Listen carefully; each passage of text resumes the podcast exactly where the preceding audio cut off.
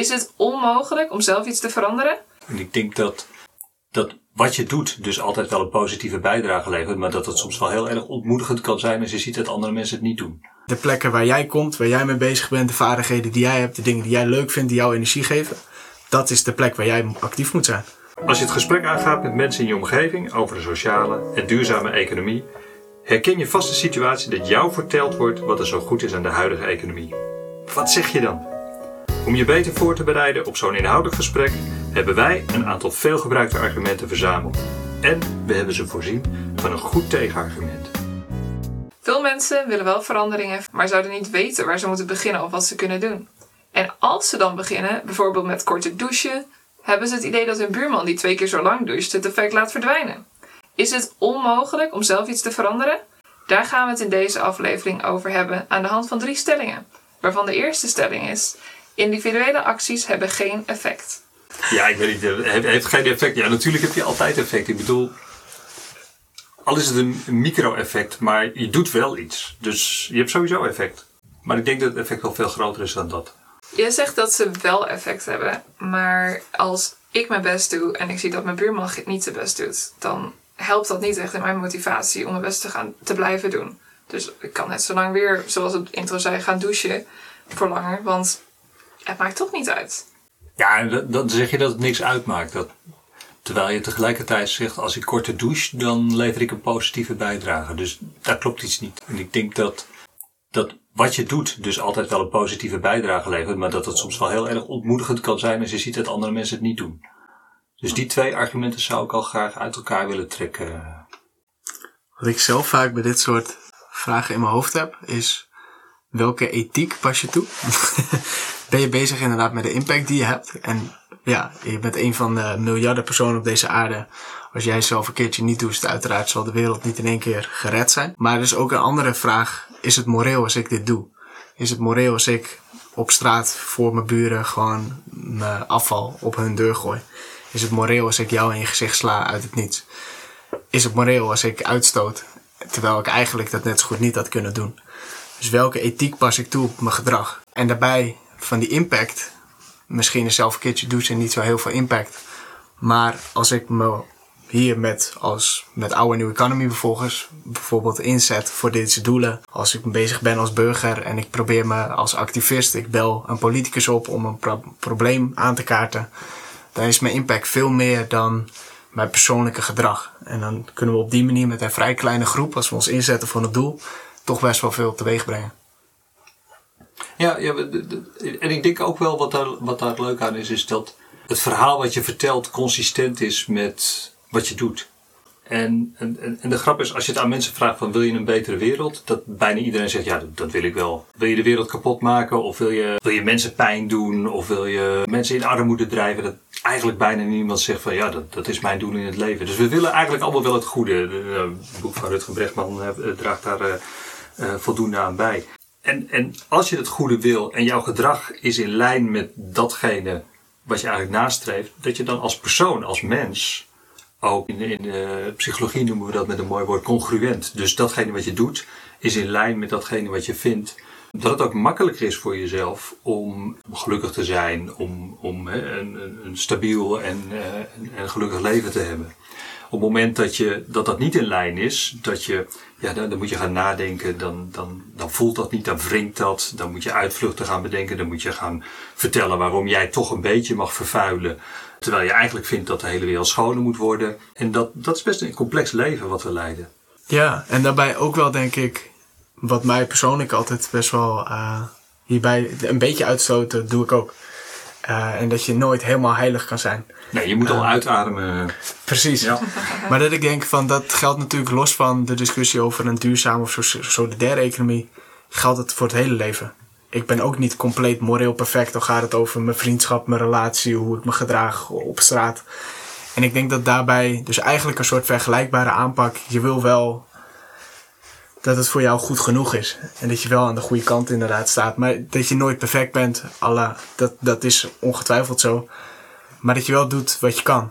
En wel probeert. Ja. Want als je niet probeert en je zegt, ja, het zal allemaal wel, maar ik ben nooit perfect ja, als je je zo gedraagt in je relatie, dan vraag ik me af of dat een goede relatie is. ja, dat, dat is een mooie eh, metafoor, zeg maar. Wat is je relatie met deze planeet? Ja, Ja. ja. En wil je dan ook goed voor deze planeet zorgen? Ja. Dat loopt wel een beetje over in de tweede stelling. Ja. Er is geen perfecte plek om te beginnen. Ja, of, of eigenlijk is iedere plek waar je begint. is goed. Dus het maakt niet uit waar je begint, doe iets. Er is een mooi boekje van, eh, van Rob Hopkins, eh, bezig is met, eh, met de transitiebeweging, ontstaan vanuit Engeland, Transition Towns. Die zegt: the, the power of just doing stuff. Dus op het moment dat je iets gaat doen, ga je in beweging. Als je dus ergens, nou ja, trek maar aan een touwtje en, en eh, je gaat bewegen, eh, er gebeurt iets, de wereld gebeurt, maar de wereld gaat ook reageren daarop. Op het moment dat je binnen je eigen, straat of in je eigen buurt of in je eigen vriendenkring gedrag gaat veranderen, gaan mensen daarop reageren. Dus je creëert daarmee ook weer een bredere verandering en beweging, of in ieder geval een gesprek daarover. Ja, zeker. En wat, wat voor mij ook vaak voelt, als zie jij ergens een kans, een plek waar je denkt, ik bijvoorbeeld zelf, ik was economiestudent. Ja, ik ben met economieonderwijs aan de slag gegaan. Want daar zat ik dicht tegenaan. Terwijl ik zie ook dat andere activisten op hele andere onderwerpen actief zijn. Denk ik, ja, dat is geweldig dat zij dat doen en dat moet ook gebeuren. Alleen daar was ik zelf niet mee bezig. Dus voor mij was dat niet de plek. En dat ik denk, ja, de plekken waar jij komt, waar jij mee bezig bent, de vaardigheden die jij hebt, de dingen die jij leuk vindt, die jou energie geven. Dat is de plek waar jij actief moet zijn. En lukt het een beetje nu? eh? Ja. Mooi. En dat geeft ook energie. Ja. Ja, ja. absoluut. Ja. En ben je dan de enige? Want bij stelling 3, er zijn geen anderen die willen dat de status quo verandert. Loop je daar wel eens tegenaan? Daar heb ik heel lang tegen aangelopen. En zolang je om je heen geen mensen vindt die, die hier ook mee bezig willen zijn, die, op je, op, die willen steunen, die, die het ook willen, kan het heel eenzaam en heel moeizaam voelen. Alleen bijna altijd zijn er ook anderen. Dus dan is de uitdaging, hoe vind je ze? Want op het moment dat je ze vindt, is het zoveel fijner dan dat als ja, als een, als een gekkie in je eentje daar altijd maar jezelf opofferen. Dat is niet fijn en daar ga je ook niet ver mee komen. Maar als je die anderen vindt, en voor mij duurde het een jaar. Ik was een jaar lang gefrustreerd met economieonderwijs. Ik heb een jaar lang tegen mijn klasgenoten gezegd dat het slecht was en die, die verklaarden mij voor gek. Uh, en, en na een jaar kwam ik erachter, oh, er is een internationale beweging, er is ook een Nederlandse tak. Toen ben ik daarheen gegaan en, en sindsdien voelt het helemaal niet meer alleen maar is het een warme zee met vrienden. Dus, dus ik denk dat het voor iedereen eigenlijk wel geldt. Zoek iemand op, kijk waar je je kan vinden, want samen kom je gewoon veel verder en, en is het veel leuker. Ja, en wat, ik- wat ik altijd wel grappig vind is dat de status quo hoeft zich eigenlijk nooit te verdedigen of zo. Dat, het, het is niemand zegt van, ja, wa- wa- waarom gaan we allemaal met de auto naar ons werk? Of waarom, eh, waarom is dit type onderwijs op dit moment in, in, in het economieonderwijs, waarom is dat op dit moment zo georganiseerd zoals het nu is? Je moet wel gaan verdedigen als je het wil veranderen. Ik vind dat niet altijd logisch. En ook al ben je een eenling, op het moment dat je die vragen gaat stellen, aan de status quo, aan, nou ja, eh, bijvoorbeeld nu het economieonderwijs. Waarom is het economieonderwijs zoals het nu is? Het stellen van die vraag is, is eigenlijk het beginpunt van een hele interessante verandering. Dus ja, kom maar op. Ik denk dat je als individu heel veel kan veranderen. Ja, mooie metafoor vind ik altijd, en het is een hele bekende hoor, maar als je denkt dat je als eenling niks kan veranderen, probeer maar een nacht te slapen met een mug in je kamer.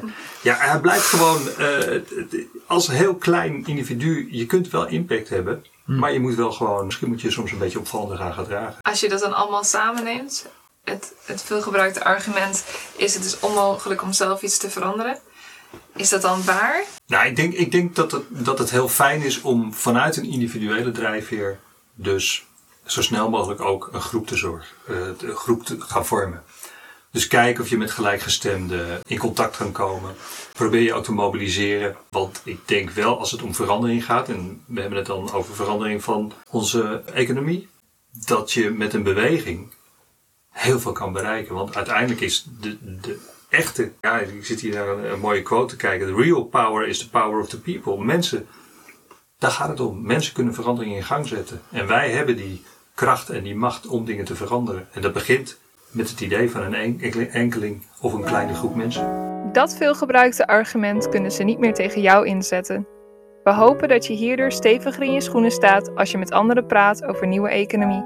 Heb jij een veelgebruikt argument dat je regelmatig tegenkomt, die we hier kunnen bespreken of waar we je mee kunnen helpen? Mail deze dan naar communicatie@arneweconomy.nl en misschien hoor je hem hier binnenkort wel op de podcast.